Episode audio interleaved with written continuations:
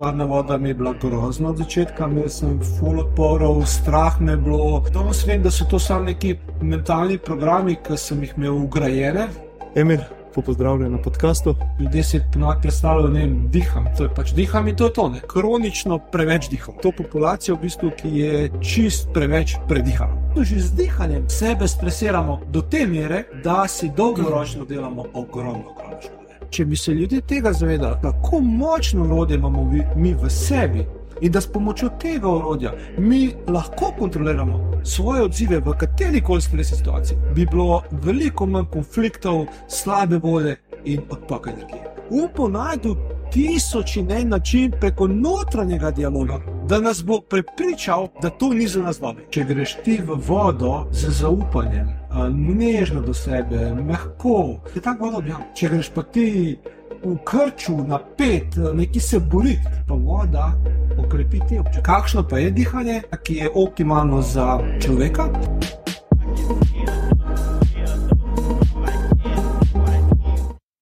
Lepo pozdravljen, lepo pozdravljena. Evo, prej, ko te prepustim temu novemu podkastu današnjemu, bi te prosil za eno uslugo. Če ti všeč to, kar delamo z podcastom Benesere, bi te lepo prosil za dve stvari. Spravi prvič, če ti všeč, lepo te prosim, če lahko se naročiš na naš kanal in všečkaš naše videote in jih deliš z drugimi. To bo nam zelo pomagalo z algoritmi, da nas tudi drugi prepoznajo in da te spletne platforme delijo naš kontent naprej. In potem še drugi način, kako nas lahko podpreš, je to, da nam daš prostovoljno donacijo. V link pod epizodo bom prilepil link do PayPala, kjer lahko klikneš na njega in nam pošlješ donacijo. To nam bo prišlo zelo prav, ker uh, trenutno še nimamo nobenega sponzorstva za podcast in to nam bo potem pomagalo ustvarjati podcast na najvišjem nivoju, ko smo ga tudi do zdaj. In naslednji način, kako lahko podpreš naš podcast in se z njim poistovetiš, je tudi za nakupom majčke. Imamo novo kolekcijo majčk Boginja Benesere, tako da pridejo v hudih ali pa kratke majčke in tudi potem kratke majčke in hudi z logotipom Benesere. Tako da to je to. Hvala ti za podporo, hvala ti za gledanje in uživaj v današnjem podkastu. Smo, smo. Evo, Emil, pozdravljen na podkastu. Najlepša hvala za današnjo delavnico, pa za povabilo na delavnico, pa zdaj, da si se vzel čas za podcast. Vem, da ni, uh, verjetno ni lahko oboje voditi delavnico in potem še podcast, oziroma nek pogovor med. Pa ja, um, po delavnici načeloma pa še um, mir.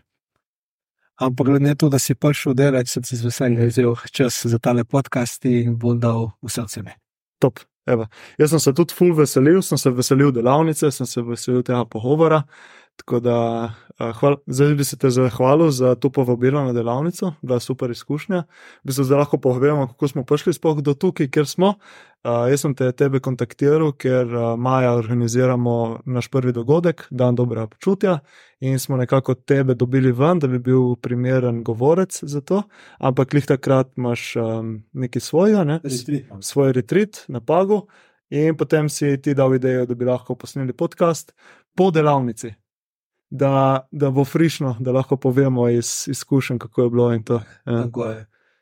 Tako je najlepši govor, v bistvu, um, ko si še pod vtisom. Ja. Pravi, ko so še čustva prisotne, emocije, ko um, nekako uh, telo še dela od znotraj. Mm. Da, v bistvu, mislim, da je. Um, bolj smiselno, da smo se odločili posneti podcast po delavnici, kot pa posebej. Uh mhm. -huh.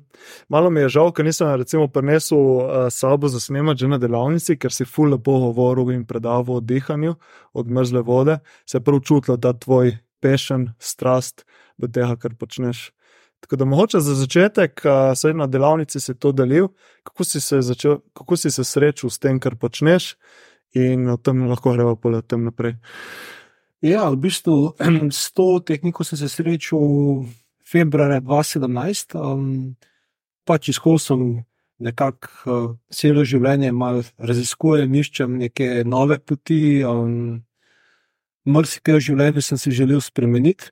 Um, tako kot sem živel včasih, v bistvu mi to ni bilo več všeč. Um, Namreč bil sem uh, profesionalni nogometaš, pa sem bil sedem let, sem bil še trener, ampak se nekako v tem svetu nisem videl. Je bila pa to edina stvar, v bistvu, ki sem jo tako rekoč znal početi, ker sem bil cel življenje delal samo to. Ne. In pol je bil ziv, uh, ko se je ta zgodba zaključila, kaj zdaj, kaj početi, uh, glede na to, da nekih izkušenj na drugih področjih nisem imel.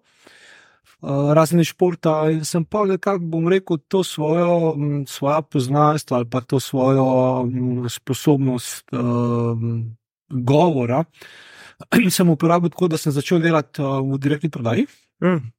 In sem dolgo leta sem pač delal v različnih um, mrežnih marketingih. Ampak sem pa začutil na neki točki, da tudi to ni uh, moja pot in da me ne zanimajo predvsem globine, zanima me v bistvu um, uh, čim globje v smislu spoznavanja sebe, svojih potencialov, um, če sem se zmožen. In sem vedel, da nisem sicer vedel, da me bo ta pot peljala na pot um, diha, pa hladne vode, ampak pač iskal sem. Mm. Iskal sem, da, ker me to zanima. In uh, v tisti fazi mi je prišla nasprot Vinhof metoda. Uh, nekako sem si prebral stvari o njemu, poslušal sem neke podcaste, oddaje, dokumentarce sem pogledal. In mi je zelo zanimivo, v smislu, da sem začutil v telesu, da to ima smisel, se pravi, da si gudno nekaj mora biti na tem. In ker me je pritegnil, sem se odločil, da bom to področje malo začel raziskovati. Ker če samo nekaj poslušam ali pa berem, brez izkušnje, um, nima neke vrednosti. Ne? Mhm. Pač človek lahko reče karkoli, ampak če ti nisi na svoji koži to doživel, um, pač težko daš neko realno ceno. In sem se odločil to poglobiti. Stvar me je zelo pritegnila, in sem se nekako podal na to pot raziskovanja diha hladne vode. Sicer hladna voda mi je bila grozna od začetka, imel sem full odporov, strah me je bilo, tudi ne vem. Pa če enkrat sem prvi po zimu more, pa sem prišel do Bležnja, naprej šlo in se rekel, jaz to pač ne zmorem, jaz to ni za me. Danes vem, da so to samo neki mentalni programi, ki sem jih imel ugrajene in neka prepričanja, se pravi, film sem si ustvaril v glavi, da to ni za me, da jaz nisem sposoben. In te odpori so me pač pripravili do tega, da sem nikoli, recimo, ne, nisem mogel kopati v možni vodi ali pa tuševati z mrtvim tušem. Um, Pozivaj skozi zebel, uh, se pravi, dejansko sam sebe sem omejil v mrsiče. In sem pol rekel, da to nima smisla, da očitno um, program v moji glavi se da tudi reprogramira. In jaz sem pa začel raziskovati, v bistvu, um, kaj vse se da lahko narediti z dihom. In največja sprememba v življenju, ko sem naredil, so narediti z dihom. Tudi dihanje mi je pomagalo, da sem se lažje soočil z mrzlo vodo, da sem jo sprejel, da nekako sem šel preko teh odporov, zelo močnih odporov. Uh, in pa pač pot me parala naprej. In sem nekako se rekel, da bi delal samo eno dihalno tehniko, pa te potope, mi je bilo premalo. Uh -huh. Uh, Iskal sem več širine in več globine hkrati. mm. In sem pa začel raziskovati druge dihalne tehnike, ne vem, Butejko, David Elliot, Soma Breeding, uh, kakšne jogijske pranajame. Tako da v bistvu različne stvari sem raziskoval, sem hotel preizkusiti, kako to deluje na me. Mhm.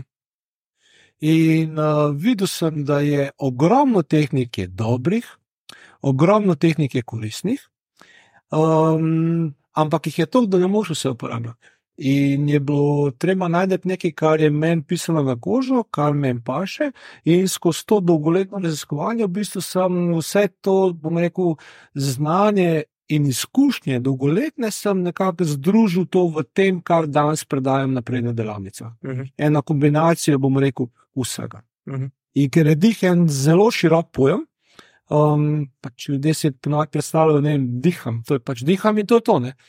Uh, ja, dihanje je en nezaveden proces, ki se odvija avtomatično, to je res, ampak z dihom se da še veliko več. Ne? Mhm. Z dihom se da spremenjati svojo biokemijo v telesu, da se ne vem, vplivati na misli, na čustva, na počutje. Um, vem, da se neutralizirati stres, da se umiri, se pravi, ogromno stvari, da se tudi vplivati na hormonsko ravnovesje. Mhm. Se pravi, na ogromno stvari se da vplivati z dihom. Če pa samo dihamo, pa še to ne pravilno.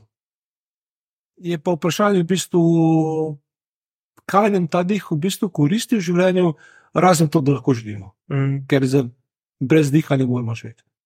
Ampak dodana vrednost je pa to, da se začnemo zavedati diha, pa predvsem tega, kaj z dihanjem lahko dosežemo. Mhm.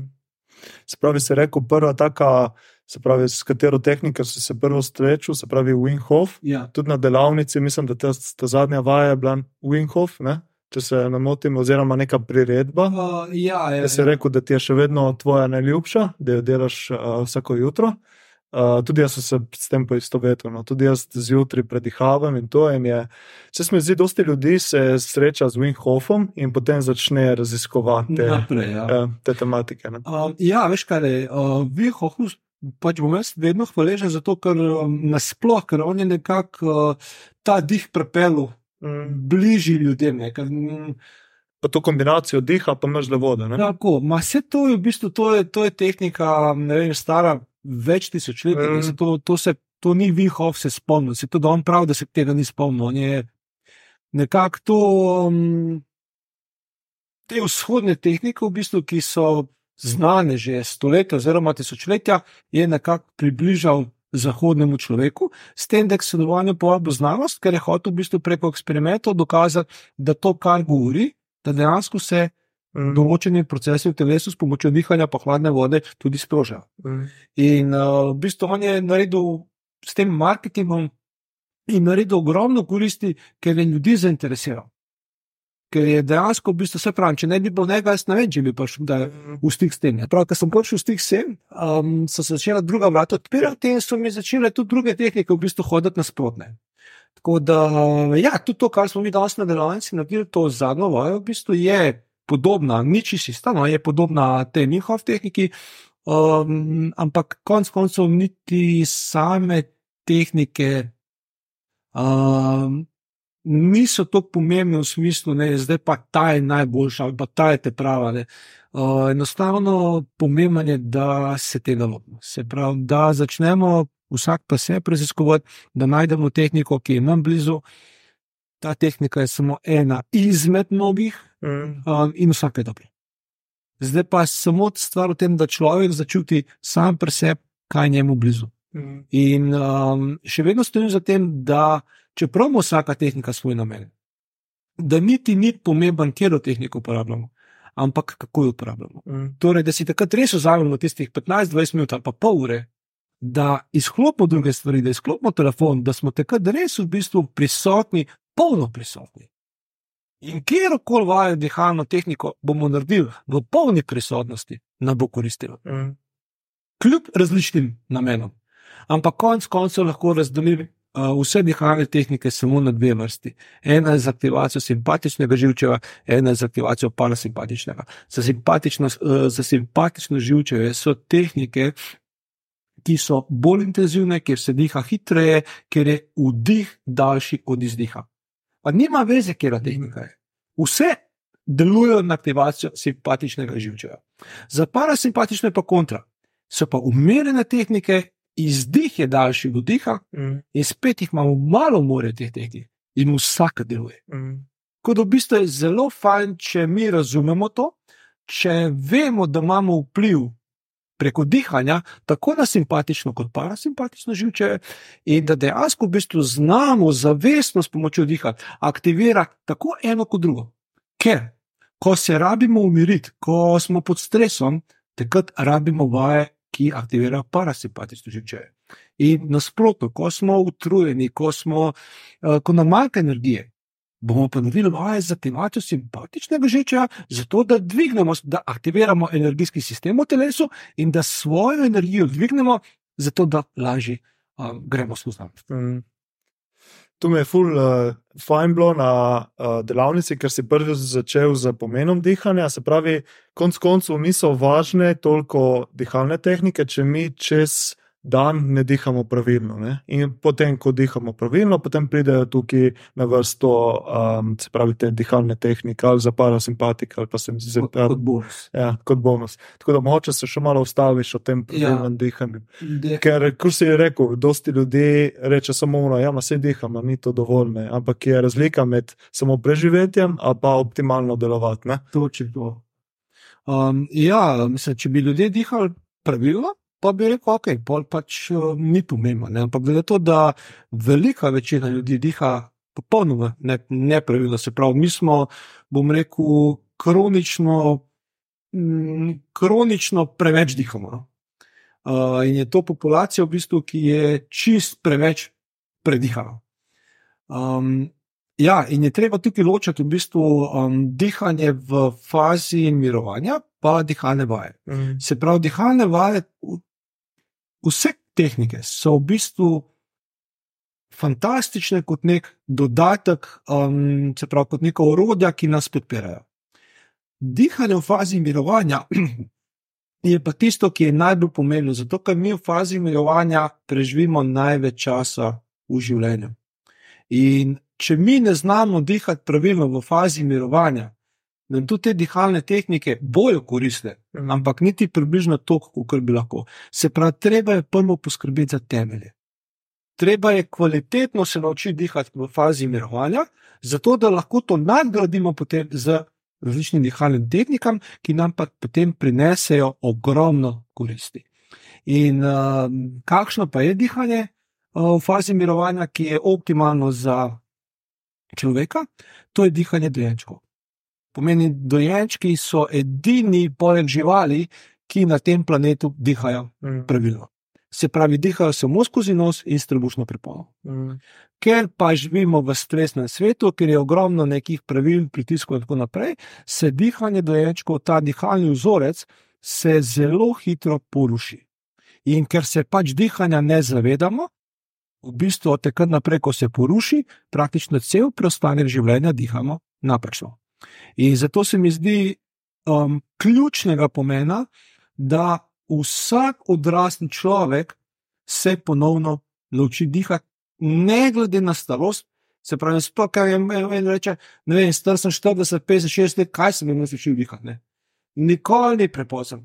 In mislim, da je privatna naloga vsakega med nami, da se ponovno nauči pravilno dihati, in to je dihanje dojenčkov. Se pravi, samo skozi nos, ker nos je organ za dihanje, usta so za jaz, pa za govor. Um, in strebušno prepono z čim manjšim številom vdihov pa izdihov na minuto. Ker zmanjšano število vdihov pa izdihov na minuto omogoča telesu, da dejansko dostavi kisik, ki ga imamo mi v krvnem toku, vse čas dovolj, ne glede na to, da dihamo pravilno ali nepravilno. Da ta kisik lahko dostavi v celice, mišice, tkiva in organe. Mm. Ker če mi dihamo preveč, ker ta populacija diha absolutno preveč, in s tem, da dihajo ljudje površno, plitko in tako naprej, ali pa ne dihajo. Um, s tem, ko dihamo preveč, mi dejansko onemogočamo telesu, da dostavi kisik do naših celic. Mm. Ja, da, uh, kako bi recimo, zdaj, okay, zdaj si malo povedal, že eno del formule, se pravi, da treba dihati skozi nos, ampak je tudi pomembno, kam se diha. Ne? Se pravi, ne v prsni koš, Mhm. ampak predvsem v to. Ja, prepono, ne. v, v strbu, ja, tako kot dihajo dojenčki. Um, se pravi, samo skozi nos pa trebušno prepono. Mhm. Zdaj, dihalne vaje, sploh dihalne vaje za um, aktivacijo simpatičnega živčeva, se uporablja tudi prsni koš. Se pravi, se napolni tako treba kot prsni koš. Ampak te vaje trajajo 15-20 minut. Se pravi, ker takrat pride več kisika, pride v telo, um, energijski sistem se aktivira, Mm. mi se res napolnimo, ampak ko končamo vajo, spet preklopimo na dihanje skozi nos. Ker dihalna vaja traja ne vem, 15-20 minut, mi pa 24 minut dihamo Mm. normalno. Ne? Ja. In zato je v bistvu zelo pomembno, da v teh 24 urah, da čim več, če že ne vse čas, da čim več dihamo samo skozi nos, pa samo s trebušno prepono. Mhm. Torej, prstni koš je fajn, da ga v fazi mirovanja sploh ne uporabljamo. Zakaj? Zato, ker v zgornjem delu prstnega koša je največ stresnih receptorjev. Se pravi, če mi dihamo čez dan v zgornji del prstnega koša, se v telesu sproža odziv ali beg. In ta odziv je namenjen izključno in samo preživetju. Mi pa nismo življenjsko ogroženi. Se pravi, sebe spravljamo v, v način stresa in smo praktično vse dan, vse dan um, pod stresom, brez tega stresa, zunanjega, ki ga dodatnega, ja. ki ga vsak človek doživlja. In v bistvu že z dihanjem sebe stresiramo do te mere, da si dolgoročno delamo ogromno, ogromno škode. Mm, pa se tega sploh ne zavedamo, v bistvu. Ne? In zaradi tega, ker se tudi potem, uh, malo, ko začneš raziskovati, vidiš, da okay, si pod stresom, začneš plitvo dihati in potem to še pospeši stres, oziroma še, te še poglobi. Ne? Tako da si v bistvu sam sebi v bistvu na nek način koplješ jamo. Ne? Absolutno. In, in pa pride tudi do kupicenih, bom rekel, težav. In zdravstvenih, in, in fizičnih, in čustvenih, in vem, psihičnih, in jih ljudje nikoli ne povezujejo z, z, z dihanjem.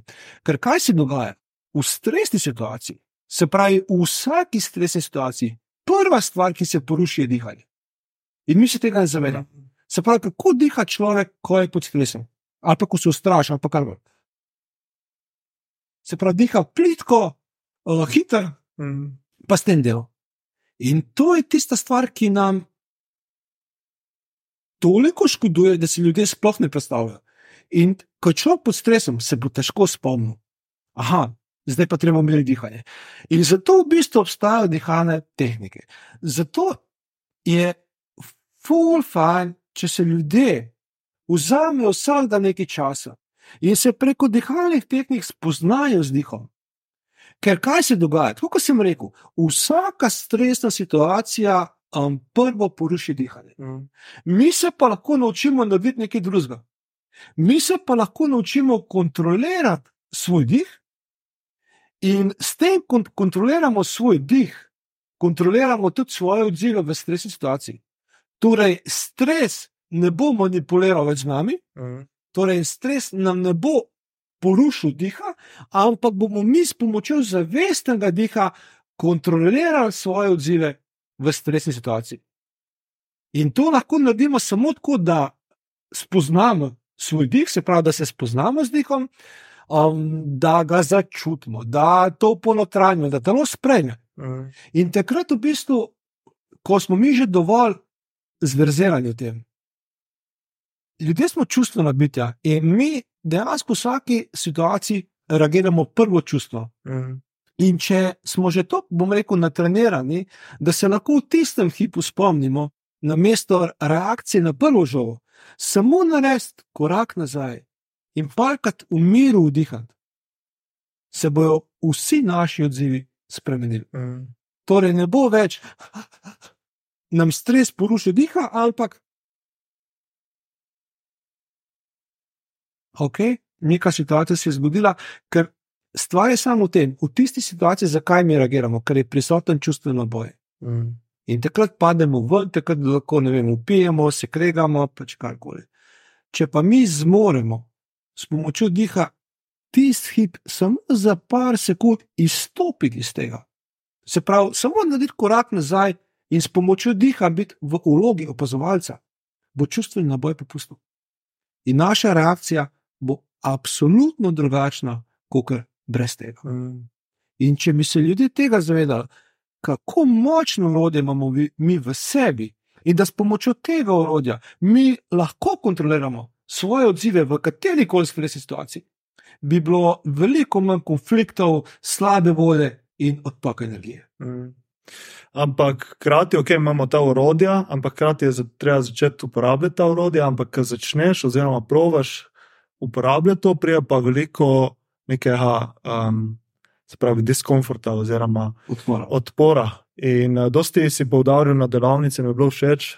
Um, si poudaril, da tu je treba ustrajati, treba naučiti možgane novih, novih stvari, da potem rade to avtomatika. Okay? Ker to rade avtomatika, potem se naše življenje izboljša. Ker v bistvu težko je narediti tisti prvi korak, iti čez odpor uma.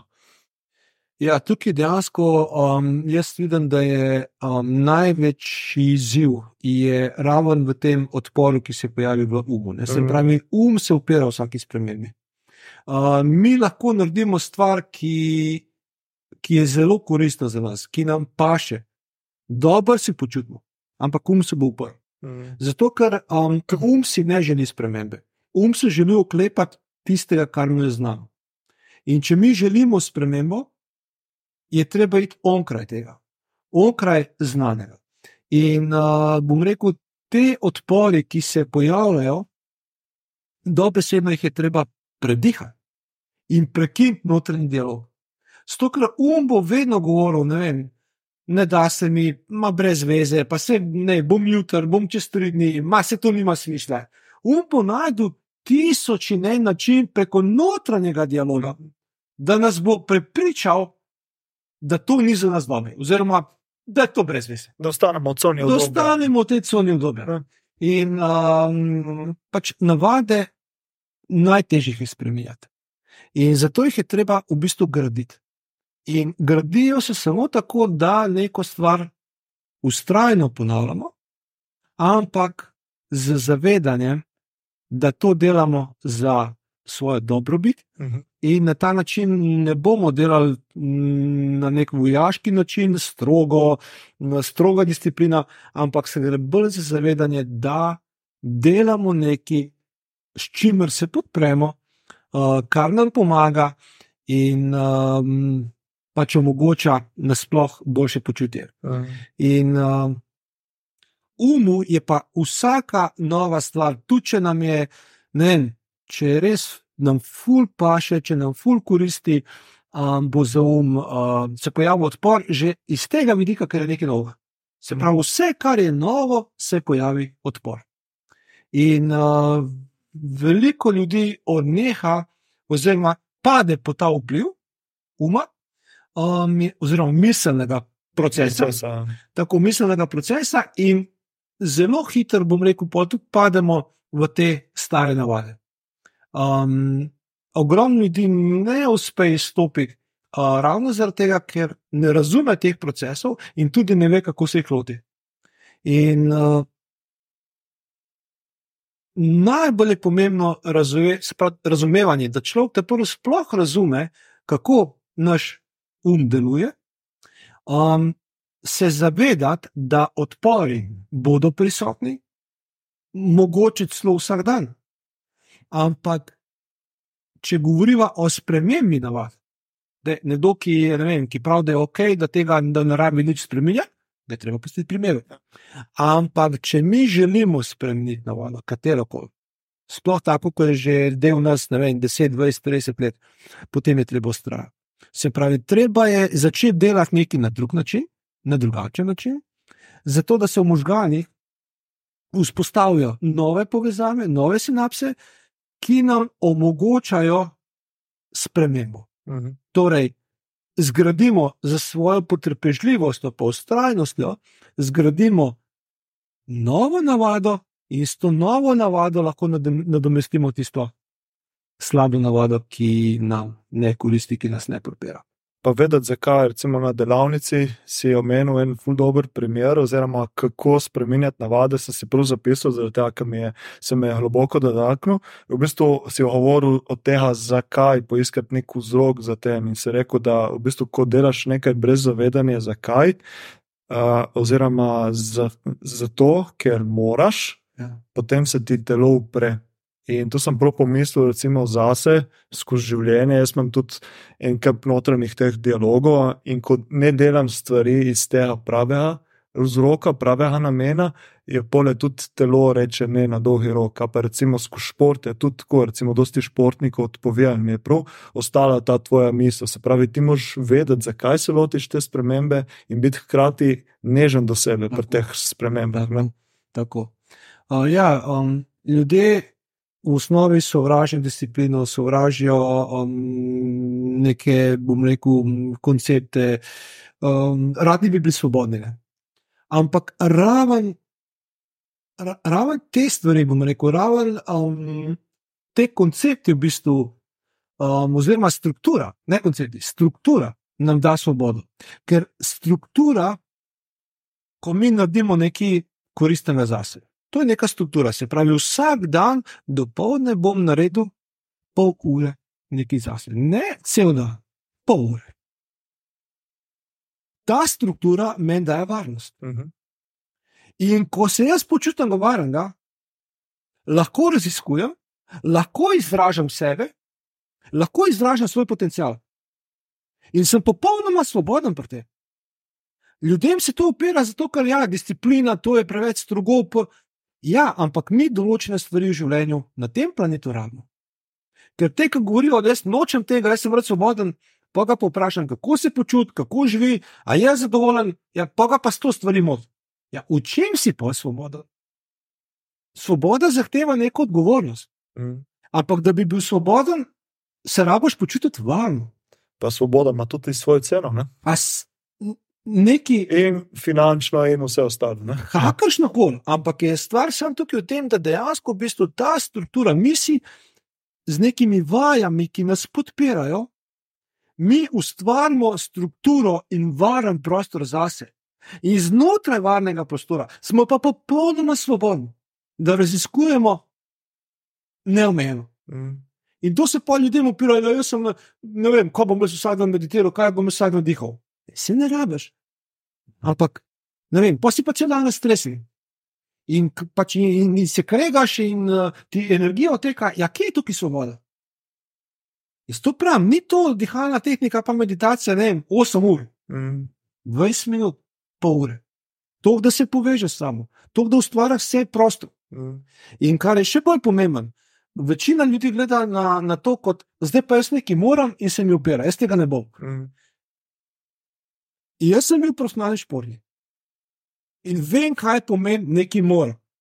Ko te nekdo goni, ko dejansko te ne vpraša, ali ti paše, ali ti ne paše, dejansko v bistvu, to, če si v tem svetu, v tem športu, moraš to narediti.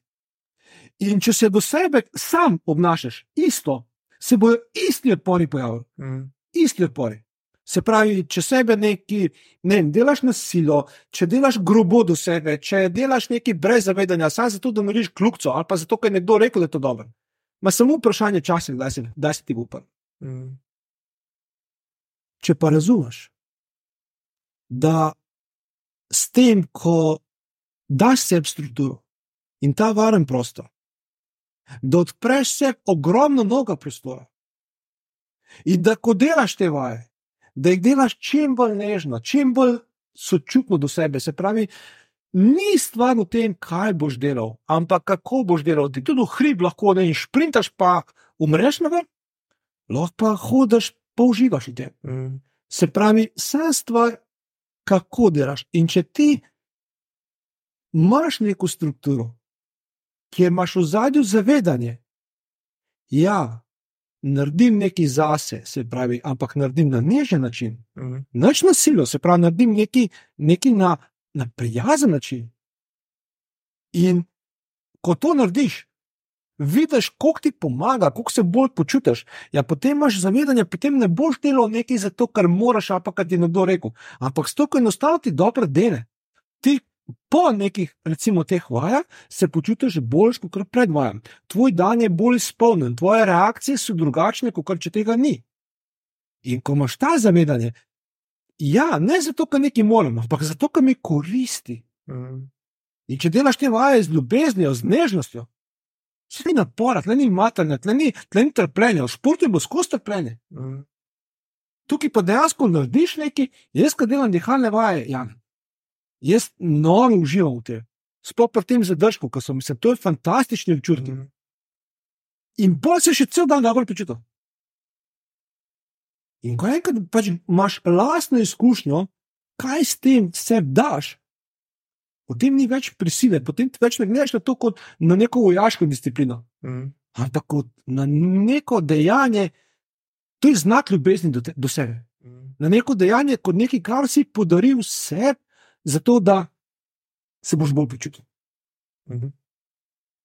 Ful lepo povedano. Se pa recimo tudi na delavnici bilo omenjeno, da mogoče za začetek pa rabiš neki discipline, oziroma malo potisem čez tisto odpor. Se pravi, zmeraj, ko se lotiš ti nekih stvari, ne, prije nek odpor, um se ti odpre. Takrat pa moraš malo pritisniti, ampak zgolj sekundo se reče. Mislim, Ja. da se lotiš dejanja in potem, ko si v dejanju, pa si nežen do sebe. To mi je bilo ful zanimivo. Uh, ja, uh, to je tako. Pač, uh, dve, dve stvari vedno povem. Uh, ljudje me vprašajo, koliko časa se bo odpori pojavljali. Lahko da se bo skozi. Ampak odpor traja 15 sekund. Se pravi, um, ni zdaj to, ko bo človek delal ne vem, recimo, ne vem, en mesec, vsak dan bo pridel, bo stran in bo rekel: odporov ne bo. Odpori m, ni, ni, ni, ni, ni nujno, ampak lahko, da bojo prisotni celo življenje. Lahko da bo vsak dan odpor, da bo um vsak dan čivkal, eh, brez veze, pa no, vaja. Ampak, če imaš zavedanje, da ta odpor ne traja dve uri, ampak traja 15 sekund, se pravi, samo prvi korak je treba narediti. Se pravi, kako? Odločitev. Se pravi, odločiš se, da boš naredil nekaj zase, ker se zavedaš, ker veš, da te to pripelje. Ko se pojavi odpor, prekineš notranji dialog. Se pravi, ne pogovarjaš se več sam s sabo, a bi, a ne bi, pa bi pol, pa bi še te prvo ne vem, jesti, bi še te prvo ne vem, čaj spiti, a bi še te prvo na vece. Ne, narediš. Ker ta odpor zgine po 15 sekundah. In ko ti narediš nek svoj ritual, se pravi, to je 15-20 minut, to vedno ponavljam, ni treba biti 5 ur, Mm. 15-20 minut, ti si ko prerojen. In pač fajn je vedeti, uh, mi se veliko lažje v življenju soočamo z določenimi stvarmi, če jih poznamo. Če vemo, da odpor je, da odpor bo, da bo trajal kratek čas in kako se ga lotim. Ja, imam zavedanje, odločil sem se, se pravi, tukaj prvi korak je odločitev. Če ni odločitve, je vse medlo. Se pravi, odločil sem se, da bom vsako jutro naredil nekaj zase. In najboljše je, da ti že, ali imaš en ritual, pač, ki imaš stalnega, če pa nima stalnega, v smislu, da spremenjaš vaje, je pa fajn, da se zvečer odločiš, kaj boš delal s tem dan. Mhm. Ker če zjutraj začneš razmišljati, a bi to vajo, a bi uno vajo, a bi uno vajo, si spet zapletaš v miselni tok. In pol samo to, da se zavedaš, ok, odločil sem se, vnaprej vem, kaj bom delal, in zjutraj, ko ostaneš, enostavno narediš na način, da prekineš notranji dialog, narediš, pa se pol pogovarjaš s vami, Mhm. pa se pa lahko. Kaj pa recimo argument, to ste ljudje reče, ja, nimam časa za te stvari. Kaj pa na ta argument?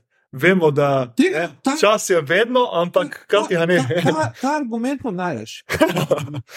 Lej, jaz pa ti, pa vsak človek na tem planetu, ima na razpolago na dan 24. Pač ja, res ta čas je linearen, okay? ampak vsi imamo pač 24 ur tega linearnega časa na razpolago. Kaj bomo delali z njim? Je stvar odločitve, stvar prioritet. Obstaja en fantastičen kitajski pregovor. Vsak človek bi si mogel vzeti na dan 20 minut zase.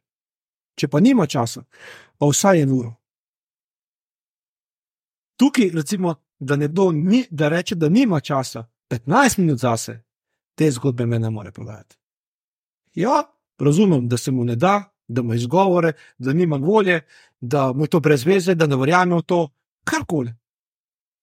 Vse lahko reče, samo to ne, da nima časa. Ker 15 minut si lahko vzame vsak. Je pa res ena stvar. Jaz vedno predlagam, da se ta ritual, obred, kako ga imenujemo, naredi zjutraj. Zato, ker mi to zjutraj naredimo, prva stvar sebe postavimo, gremo v svoj center, se umirimo, se povežemo s sabo, dvignemo svoj nivo energije. In vse, kar bomo naredili tekom dneva, bomo naredili boš. Ker ko delamo iz sebe, v stiku s sabo, delamo bolj kvalitetno. Mhm. Če bomo pa nek ritual hotel narediti zvečer, nič narobe s tem.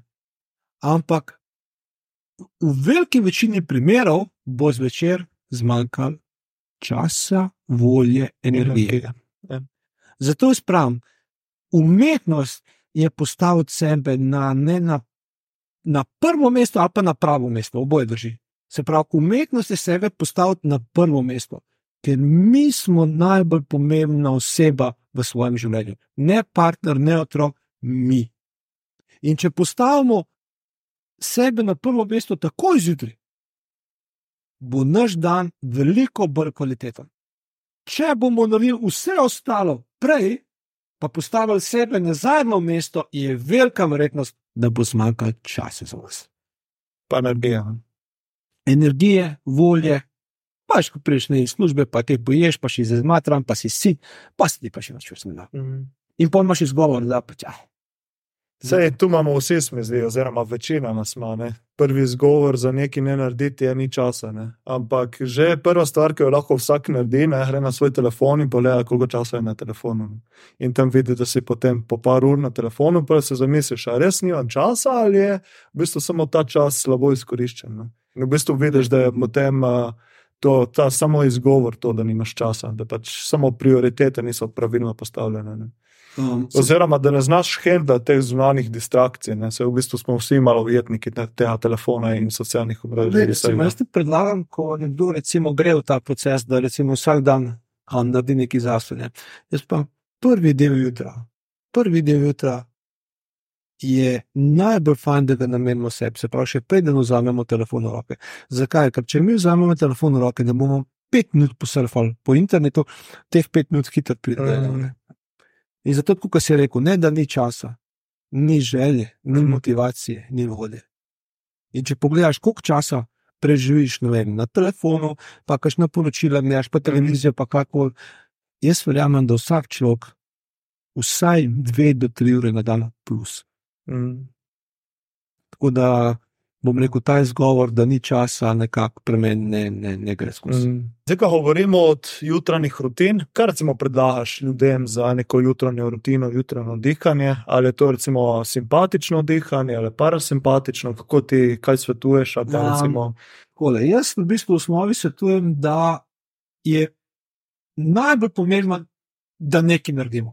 Lahko je to dihalna tehnika, lahko je to meditacija, lahko je to nekaj, kar nas poveže. mm. Nekaj, kar nam pomaga, da pridemo pač v svoj center, v stik s sabo, kar nas umiri in kar nas tudi dvigne. Um, eni ljudje imajo raje dihalne vaje, drugi ljudje imajo raje meditacije, tretji grejo raje vem, na um, sprehod. Ampak tudi, če greš na sprehod, pa hodiš zavestno, je super stvar. Um, jaz, uh, na, pač jaz, kako jaz delam, v bistvu jaz naredim vedno dihalno tehniko um, za aktivacijo simpatičnega živčevja, zato ker me to dvigne in v teh vajah se pravi, prav čutim, kako se moj telo Mm energ, energ, energetsko aktivira, -hmm. um, kako me dvigne. In ko delam te vaje z, z zadržkom, me pa ful pomiri. Mm -hmm. Tako da, ampak te za vaje, za aktivacijo simpatičnega živčeva, rabiš več volje. Ker to dejansko v bistvu um, je, je način dihanja, kjer rabiš več energije v to.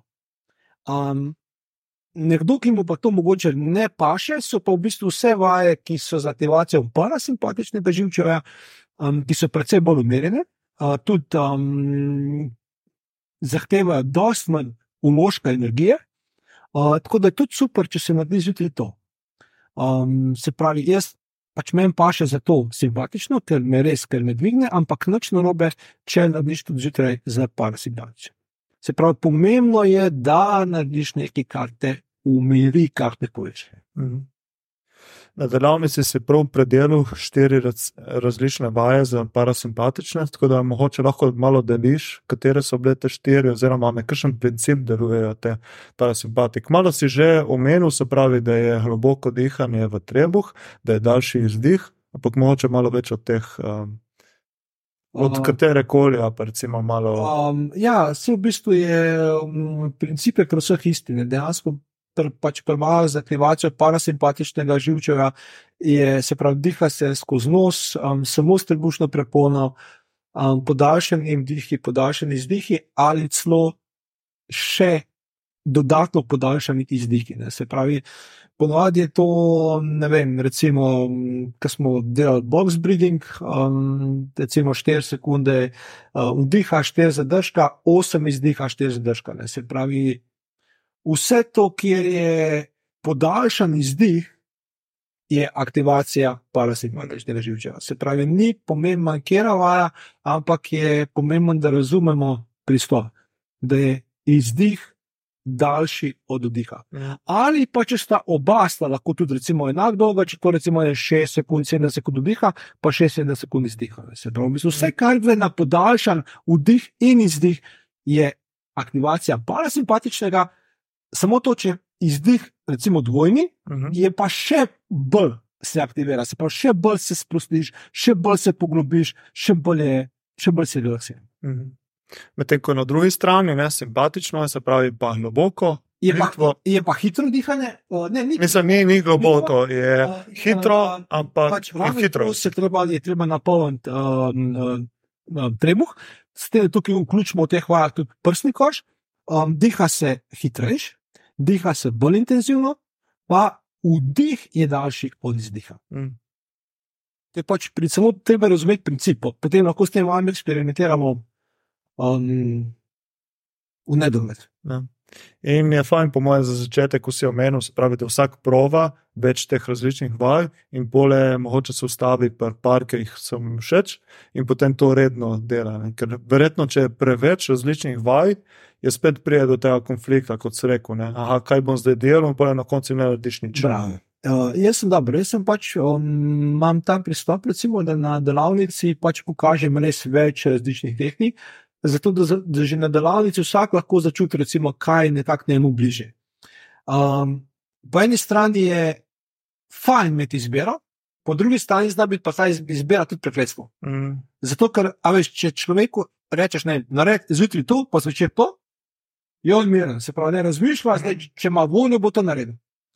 Če pa on razmišlja, ali bi zjutraj, ali bi eno, ali bi drugo, ali bi četrto, ali bi sedmo, si pa že spet padel v ta miselni proces, um, ki te pa v bistvu pele stran od izvedbe. Mm. Zato jaz vedno predlagam, mogoče, da si, vem, na začetku vzameš kakšen dan, dva, tri, da sprobaš pač različne vaje in se polno odločiš, ok, vem, za eno in to eno delaš.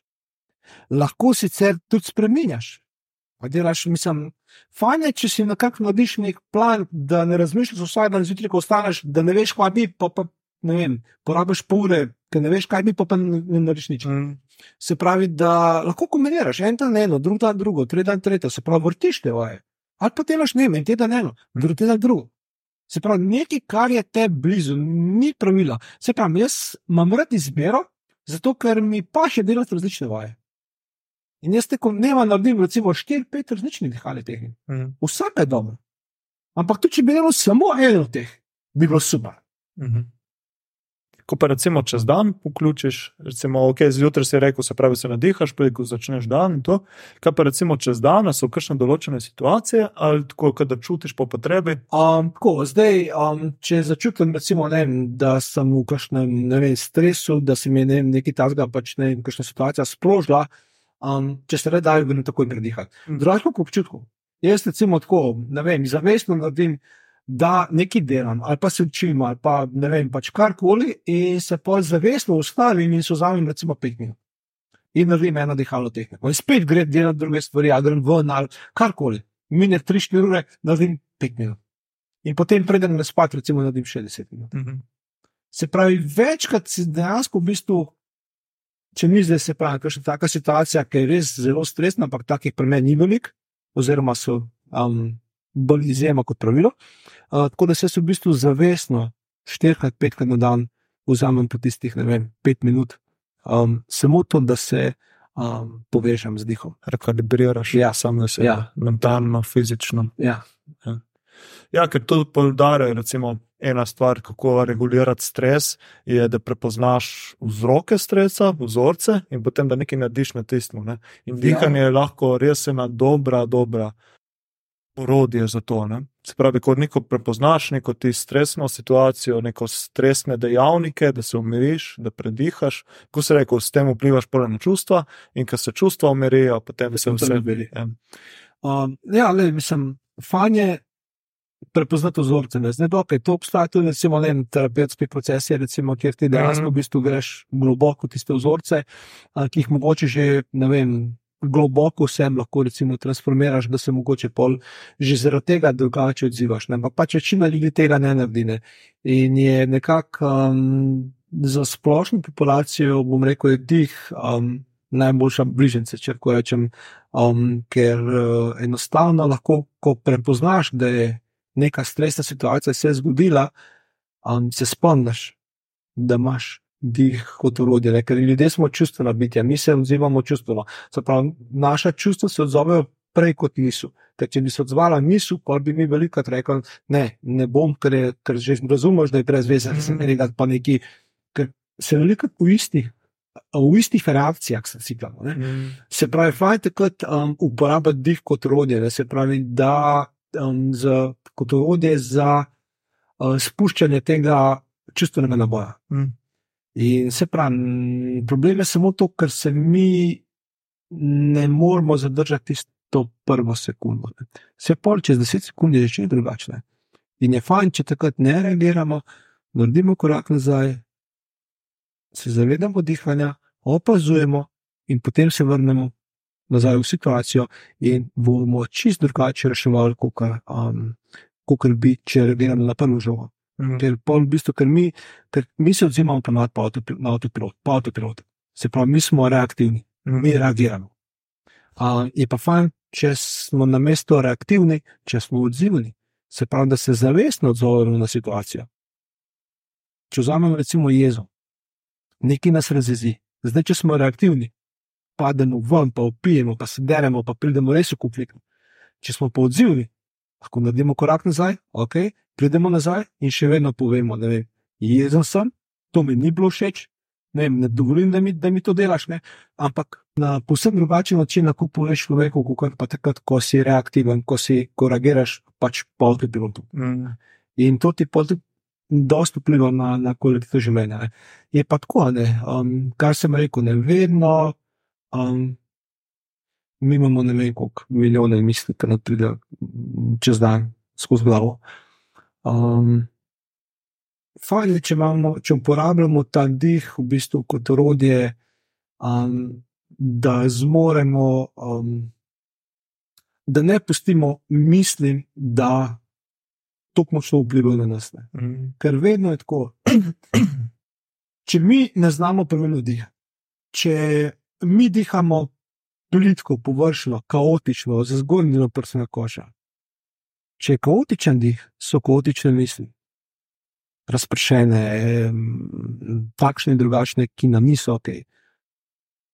Vsaka misel sproži neko čustvo. Mm. In na koncu se na čustvo odzove telo.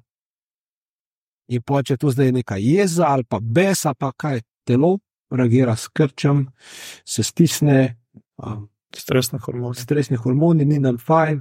In če se to ponavlja vsak dan, ali vsak teden, vsak mesec, pač pride do, vem, do bolezni, ali do poškodb, ali do pač, um, nekje na fizičnem telesu se dolgoročno vedno pozna, ker je mm -hmm. pač deloj ti zadnji filter, ki prefiltrira čustva in vse, kar se dogaja. Mm -hmm. In se preste nekje na telesu. Pozna. Mm -hmm. Se strinjam. Um, prej si omenil, se pravi, da si na začetku, da ti je dih tudi pomagal iti čez strah za mrzlo vodo. Ja. Kako je ta povezava med dihanjem in mrzlo vodo za tiste, ki si morda ne poznajo to? Um, ja, v bistvu povezava je v tem, da um, se pravi, mrzla voda je zelo stresna situacija, ki um, pač večini ljudi se upira uh, je zahtevno v smislu, ker te zaboli telo, ne od mraza. Uh, naj, največji problem je pa, da ti vzame dih. Se pravi, uh, ko greš v mrzlo, ona, se zgodi to. Ne. In takrat v bistvu lahko nastopi napad, hude panike, milijon misli ti čez glavo, ne vem, umrl bom, dihati ne morem, skrb bom padel, kaj vse se lahko zgodi. Ne. In več kot teh, več kot daš temu pozornosti, še več je tega. Ne. In ravno tukaj, lahko uporabiš dih kot orodje, ne se pravi, da um, te odpore, se pravi, vse to, kar se pojavi, te občutke, da jih predihaš. Mm. Se pravi, da se zavedaš, da je to spet um, nekaj, kar se zgodi, predvsem v naši glavi. In da se nam ne bo zgodilo nič hudega, da ne bomo umrli, da ne bomo sklepali, da nas ne, ne bo kam zdaj. In takrat ostane z dihom. In si prisoten z dihom. In dejansko dih ti pomaga preko teh odporov. In ko pred, se pravi, takrat se dejansko v bistvu um se utiša, neha čemljati. Um, ta občutek, ne vem, panike, tesnobe ali pa um, ne vem, stiske ali pa kar koli v bistvu izpuhti. Mm. In dejansko dih je ta most med, bom rekel, med odporom, pa med tem, da se mi v mrzli vodi lahko počutimo tudi zelo prijetno. Mm. Ja, ker um, zakaj spohiti v mrzlo vodo? Ne? To ima fulejnih zdravstvenih koristi in na, do, in na počutje, na zdravje in vse. In jih zaradi tega govori, vedno več, govoriti, ja, vedno več ljudi govori o tem, da si eden izmed tistih, kar res poudarja, ne mrzle tuše, ledene kopeli, mrzlo kopanje in to. Ne. Ker mogoče za nekatere je še vedno. Ok, to je malo abstraktno, zakaj bi hodil vse, to so itek neki, ne, to je neke sekte, so in to, ampak vse mislim, da si ti rekel zadnji čisto, oziroma na delavnici, ne, da so te gledali ljudje čudno, ne, še pred leti, ki sem ja. to delal. Ne, ampak zdaj pa zmeraj bolj spremljivo, pa ljudje zmeraj bolj vidijo, da je to fajn, pa da ima in kup dobrih koristi. Absolutno, vse je, recimo, jaz tudi danes nisem imel mrzle vode, pa če se zavedam, kakšne koristi ima mrzla voda v bistvu. Se pravi, ne samo to, da mi pomaga da grem dnevno lahko iz sono do, kar pomeni, da lahko delam premike v življenju. Ampak tudi ogromno zdravstvenih koristi, pa koristi na počutju. Ne se pravi od tega, da se vem, um, aktivira imunski sistem, da se dvigne odpornost, da vem, se pospeši regeneracija, da se zmanjša vnetje v telesu, da se stres neutralizira, da se samo zavest boljša. Um, pač ogromno, ogromno enih koristi je. Pač, ko me nekdo vpraša, zakaj, ja, zato, ker mi pomaga pri stotih stvareh. In uh, pravim, dih je pa tisti, ki mi pomaga iti preko odporov, preko strahov, preko napadov panike. Pač karkoli se zgodi človeku, da, bi, recimo, ne, da ne bi to naredil, da, da bi zbežal od te izkušnje, um, ali pa da si ne dovoli te izkušnje, je dih tisti, ki ti v bistvu omogoča, da greš v telo, da si prisoten, lahko kot opazovalec. Se pravi, ne da se boriš z vodo, ne da se upiraš, ne da se fajtaš, ampak enostavno v bistvu ostaneš v polni prisotnosti, se pravi, v tem prostoru znotraj sebe ostaneš kot opazovalec. Mm. In potem vsi ti odpori, vse to, kar je bilo prej groza, v bistvu izpuhtijo. Mm. Meni je ena izmed stvari, ki mi je ostala z delavnice, bilo to, da si je rekel, da je v bistvu voda, mrzla voda, zrcali tisto, kar je v nas. Ja. In da moramo do nje imeti respekt, oziroma jo tretirati tako, kot bi mi radi sami sebe tretirali. Se pravi, da greš spet noter, da greš nežno, da greš uh, pobožno, oziroma tako. In uh, ja, to mi je bilo fuz zanimivo. No. Ja, le si to že z tega vidika, recimo, razumljivo, ne? ker lej, a, več kot 70% telesa je iz vode. Sestavljeno. Pač voda je inteligenca, voda ima zavest. In inteligenca vode, reke, se odziva na inteligenco telesa. Mm. Se pravi, v bistvu voda prepozna vse to, kar je v tebi. Mm. In uh, Pred leti je ena moja praksa rekla, um, ko boš sprejel mrzlo vodo, bo mrzla voda sprejela tebe. In v bistvu takrat sem rekel, wow, super, ne, da brez smisla. Ampak danes je lahko nadgradil. Um, ko ti sprejmeš sebe, potem te sprejme ta voda.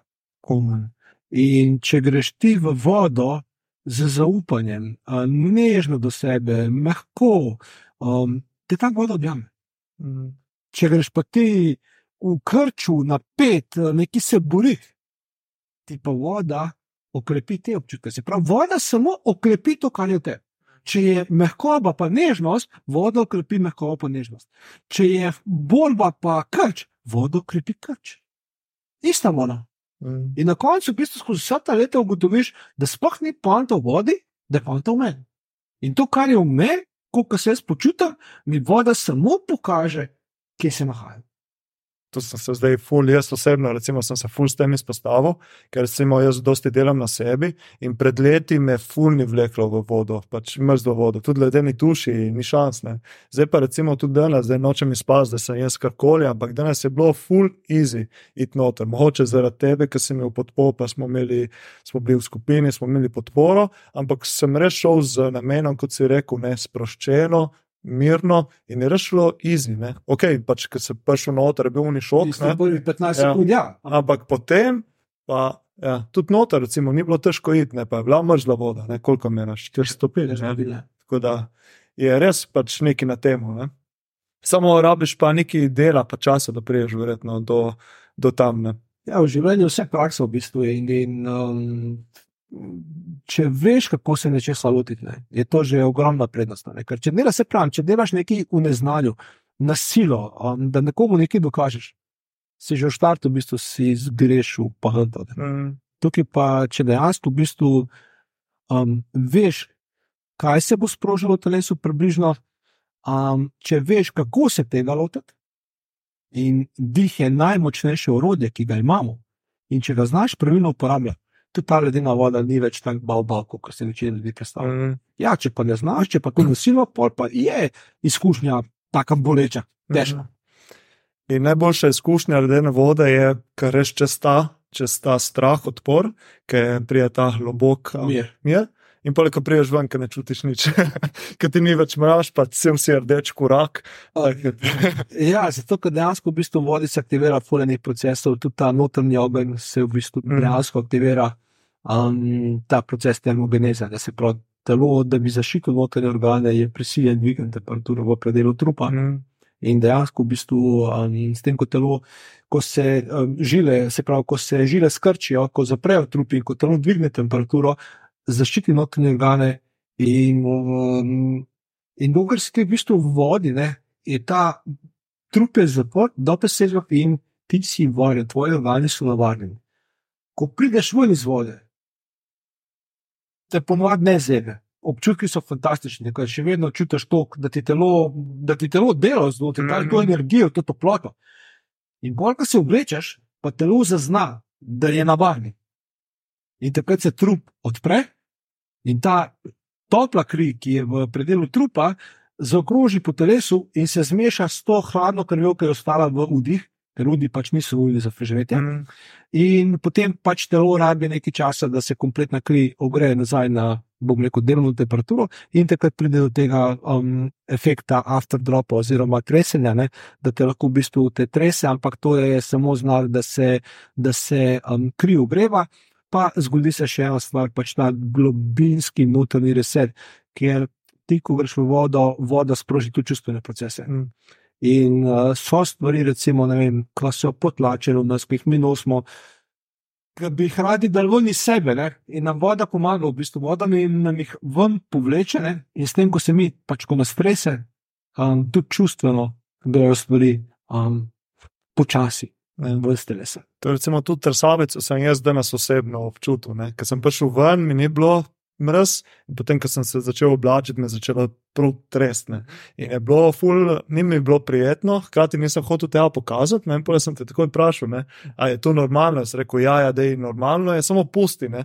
Ampak jaz si pa nisem dovolil, veš, ker sem hotel zgledati. Okay. Ja? Ampak, pole se je rekel, samo spusti, ne? in pole, ko sem spustil, je bilo že laže. Pole se je takoj umirilo, samo na začetku je bilo pa pruno, vse me treslo, prav, pa ni mi bilo mrz. Sem tresen, da ja. ja. Uh, recimo ljudi bi pol radi uspali te procese, ne mm. pravi, radi bi prekinili. Ne, pusti, da te strese, ne, da te telo, ko bo začutil, da je dal to iz sebe, kaj je mogo ti skipne, v bistvu bo nehal se tresti. Mm. In če ti hočeš na silo, ne, bo spet kaj časa če pa spustiš, da gre pač ta energija, gre skozi tebe, v bistvu, in ko se odzove, in prekine. Mm. Je pa v bistvu vse, vse pa fajn.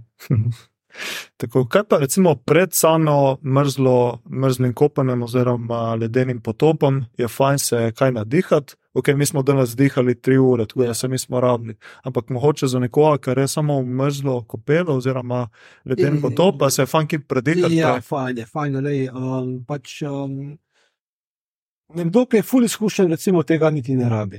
Dejansko, v bistvu, recimo, jaz se, ne vem, pač naredim dva vdiha, pa se že v stiku in grem na flotar. ne. Ampak za enega začetnika, recimo, je definitivno priporočljivo že zaradi tega, ker pač s pomočjo diha se povežeš Mhm. s sabo. Umiriš misli, um, prideš nekako v stik s telesom. Ne? In je sigurno pač lažje pa narediti ta korak, kot pa recimo ne, če greš direkt kar v vodo. ne. Uh, tako da ta dih je sigurno, ne bom rekel, močno urodje, um, ki ti tudi pomaga, da ostaneš v obdobju opazovalcev.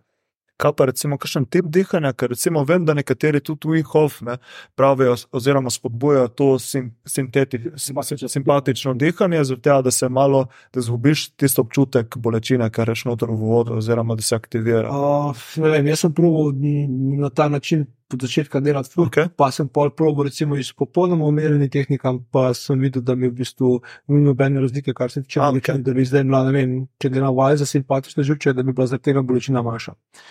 Jaz tega nikoli nisem čutil. V bistvu ful bolj se kočitam, da naredim uh, vaj za parasimpatične. V bistvu, da se umiriš in da se povežeš z vodo. Tako in mi ful paše. Zdaj smo po zimi svojo skupino Kremros, pač ne dihamo um, od zunaj, ampak gremo recimo na enojni sprehod. Enojni sprehod, dihamo lepo skozi nos, smo v stiku s sabo in dejansko se predihamo, telo se že adaptira tudi na zunanjo temperaturo in je pa milina je voda. Mhm. Tako da, um, spet, če me vprašaš, kaj, kje tehnike, bom spet rekel, da ni to pomembno, kje tehnike uporabljaš, ampak bolj kako jih uporabljaš. Se pravi, da si prisoten, da si pri stvari, da narediš to pač iz, iz, nekim, iz nekim zavedanjem. In um, je pa spet stvar posameznika. Ne. Enim pašejo pred vodo intenzivne, enim pašejo umirne. Jaz, kot sem dejansko v bistvu se pogovarjal z vsemi temi ljudmi, ki so hodili z mano. In ko smo delali prej, bom rekel, te intenzivne vaje, lahko rečem, da šest vsem bolj pašejo te umirjene. Mm, zanimivo. Ja, to me je malo presenetilo, ampak prav, da jih ful pomiri in gre ful lažje vodo. Noč ni bolečina večja, Mm, uh, kot pa recimo prej, ko smo se nahajali z dihanjem. Ne. Nekaj od večine sem slišal, pač jaz tudi razlikujem to, pa večina je poudarjala, da prvo se treba nadihati s hitrim dihanjem in to, da se pač aktivira simpatik, da je potem lažje jeti v vodo, ampak tukaj se zdaj omenil, da se rajš umiriti, pa povezati z vodo, po eni strani je logično, ne, da pač potem se lažje greš noter, pa se povežeš s sam, samim uh, kopanjem in uh, vodo. Jaz pa, in pač probo sem eno in drugo, Mm. sem hotel videti skozi izkušnjo, kako to vpliva na me. In tudi drugi ljudje so to hoteli probati. In smo v bistvu vsi prišli do istega zaključka. Pravim, prej smo res dihali in smo se nahajali, pa smo mislili, da bo zdaj lažje. Ne? Pa so vodo, pa te rano zgusti.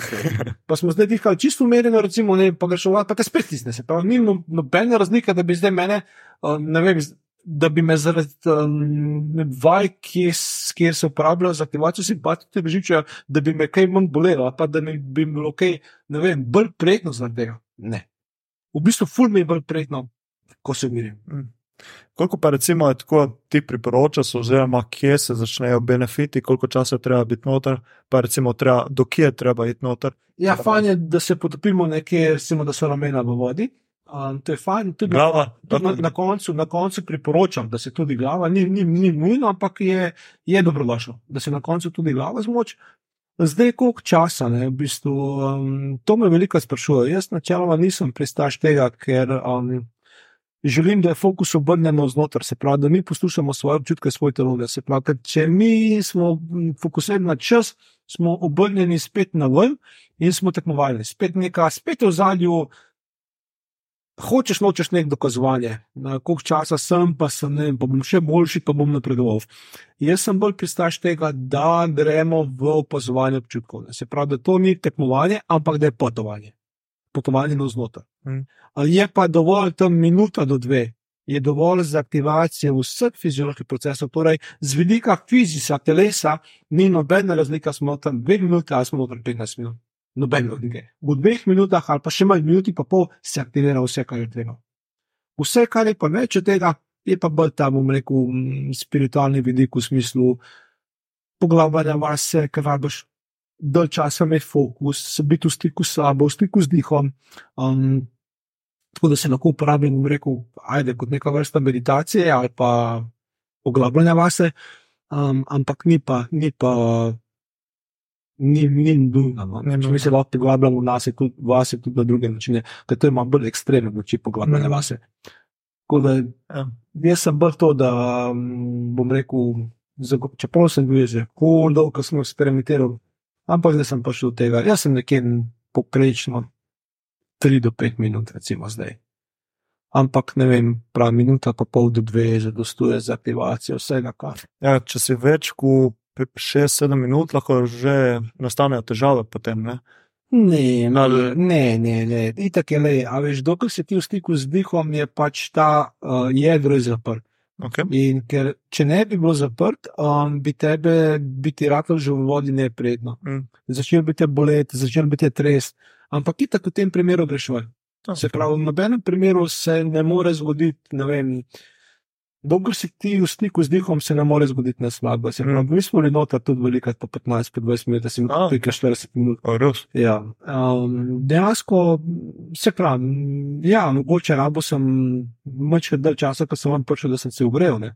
Mm. ampak nisem videl dodan, dodane vrednosti. Mislim, nisem nič s tem pridobil, da bi rekel, ne vem, "Ova, to mi pa zdaj naredil res neko razliko, razen tega, da bi se lahko pohvalil, ej, stari, res, sem samo v tem res ne vidim smisla. Tako da ne, ne, prav, še 5, 6, 7, 10, 12 minut, ne, dokler se v stiku z dihom, dokler je temu telesu prijetno, je vse ok. Ker ko, ti enkrat, ko enkrat nisi več v stiku, kot ti ni prijetno, je ti tako telo, da znak, ok, ne imaš več in takrat greš Ja. ven.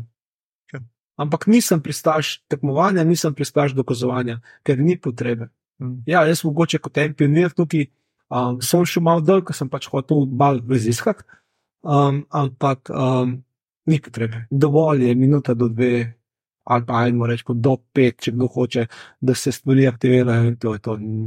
Mislim, ne, ne, ne vidim potrebe. no. Kako pogosto pa recimo svetuješ ti ljudem, da to vzdržavajo, recimo nek ledeni pokop, potop, ledeno kopanje, to verjetno na neki tedenski ravni več. Ma, le, jaz, ko pravim, vedno, vedno um, govorim, da treba prisukati telesu. Ne. Se pravi, le, mogoče nam tudi vsak dan ne paše. Um, ni zdaj to strogo, da mora biti vsak dan. Edino to, ki nam ne paše, je vprašanje, ali ne paše telesu, ali se upira glava. Zdaj, če se upira glava, pa le fajn to narediti. Če pa začutimo, da res ni zdan in da smo res utrujeni, da rabo, ne vem, več mehkobe, več, ne vem, toplote, pa spustimo ti zdaj. Se pravi, ni treba na silo. Načeloma sem jaz tako zavornik, nekje recimo ne vem, enkrat na teden, mogoče do dvakrat, če imate možnost v naravi, Mm. ostalo pa doma tuš. Jaz recimo, pa če grem enkrat na teden, grem, prej sem hodil šestkrat na teden. Uh. Ja, in to dolg časa. In sem pa ugotovil, da nima smisla. Tako da v bistvu grem zdaj vsako sredo, enkrat na teden, ostalo dejansko v bistvu vsak dan jaz uporabljam doma tuš. Je to še. Imam minuto do dveh na koncu.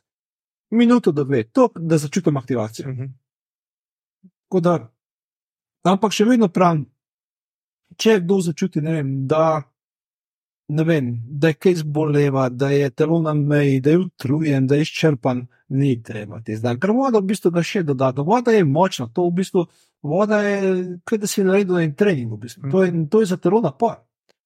Je stresor, je dober stresor, imaš še vedno, če imaš ti že full stresa ali z bolezni Ja, ali ne, drugega. dodatno. Te Ja, bo to isto zlomilo. Ne? ja da te ne so takrat počivati. Mm. Ali pa če imaš vročino, pa to ne, jaz rečem, takrat ne potuš. Mm. Um, zdaj me pa zanima še eno vprašanje, v bistvu je bolj osebno. Uh, jaz sem opazil, da recimo na dneve, ki naredim do povdne zjutraj, naredim potop, se pole popovdne zvečer ful slabo počutim, ful ena utrujenost prija gor, ampak naslednji dan se pa v redu. Ko, ampak uh, mogoče imaš kakšne izkušnje glede tega, oziroma zakaj se to zgodi? Um, uh, mrzla voda je, voda nasploh v bistvu, sploh mrzla voda je um, en zelo močen indikator. Um, če si ljudje ne vzamejo dovolj časa za počitek, Mm. se pravi, če ljudje ne vem, so skozi v neki akciji, a to.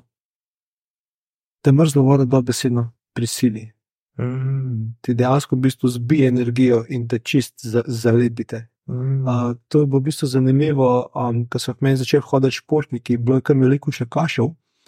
Um, in so rekli, da so bili dve, tri ure po potopu, ne top, energija. To, to, to v lifeu nisi začutil. Bor.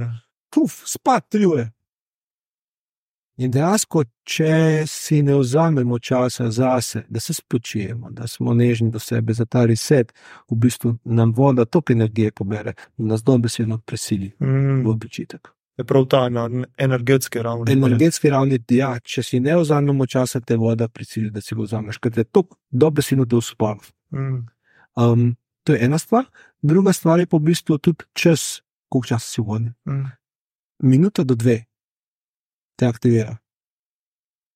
Pet minut, deset minut, to je že kar da si naredil training. Mm. In dejansko, v bistvu, um, če si deset minut, recimo, se zna zgoditi, um, ali pač del časa se zna zgoditi, da boš prvih par ur, da boš full dvignen, pa boš pa rad utrujen. Ker dejansko je kot da si naredil trening. Ja. Ja, tako da, če hočeš samo aktivacijo, da ajde rečemo dve do tri minute, je zvrha dovolj. Prav, druga stvar je tako, če nismo mi pod stresom, če smo aktivni, če delamo, če si ne vzamemo časa zase, nas bo mrzla voda prisilila v počitek. Ful Zanimivo.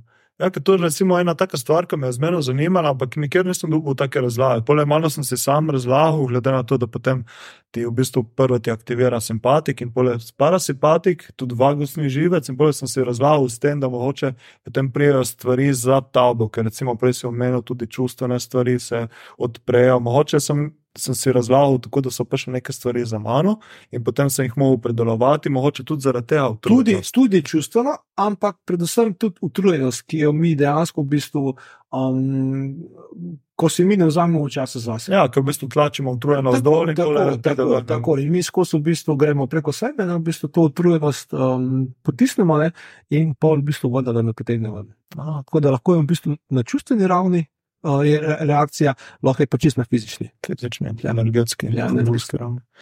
Ok, evo, super.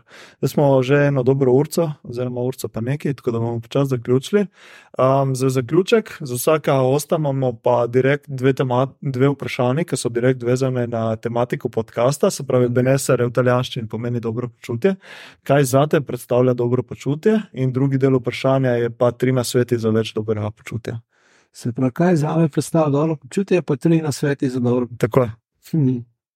Jaz dobro počutje v bistvu vidim um, v, v nivoju življenjske energije. Se pravi, Mm. ko dejansko imamo tisto iskrico v šeh, tisti žar, uh, ko, delamo, ko delamo tisto, kar imamo radi, um, ko delamo, se pravi, ko čutimo strast za to.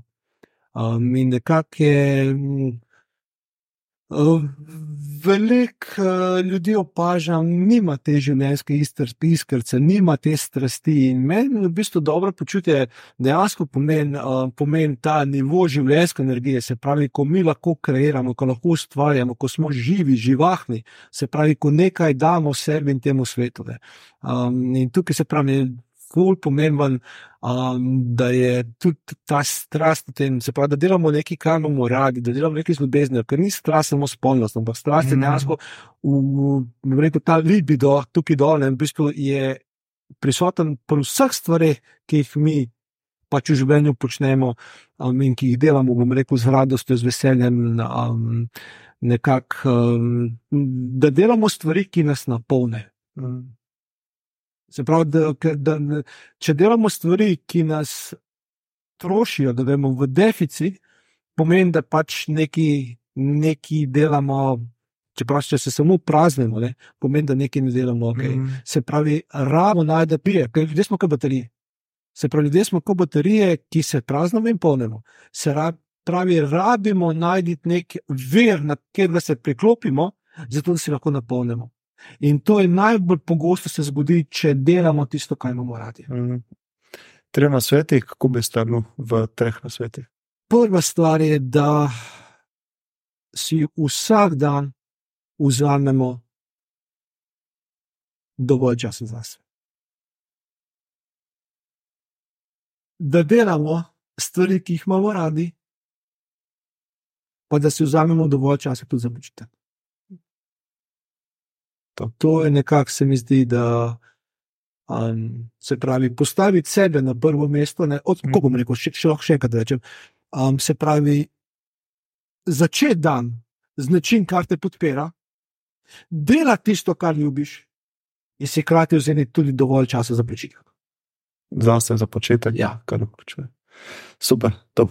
Evo, uh, hvala ti še enkrat, Emil, za, da si si vzel čas za delavnico, super izkušnja. Zdaj lahko še malo deliš za ljudi, ki te lahko spremljajo, ki te lahko najdejo, tvoje delavnice in to.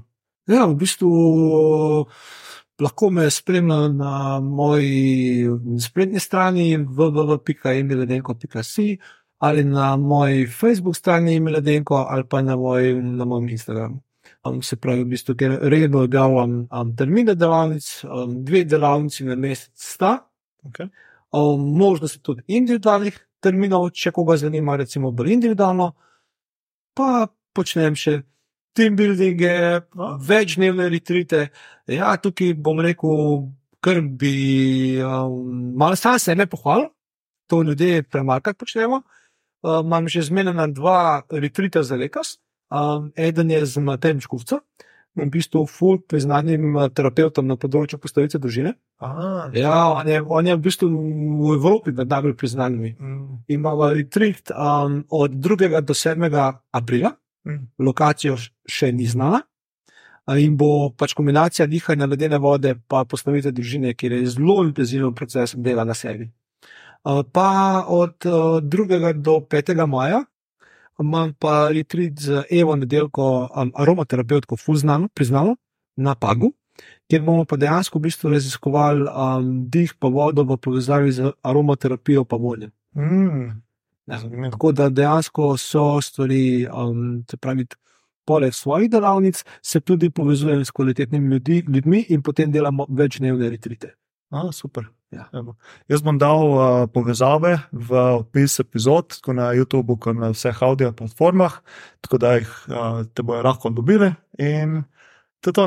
Super. Vsak, ki si želi neke izkušnje, um, kvalitetne, pa spremembe v življenju, uh, jaz tako pravim, lahko ogromno dam, lahko človeka zelo podprem, ampak on je tisti, ki mora po svoji, po svoji poti hoditi. Mm, to je res.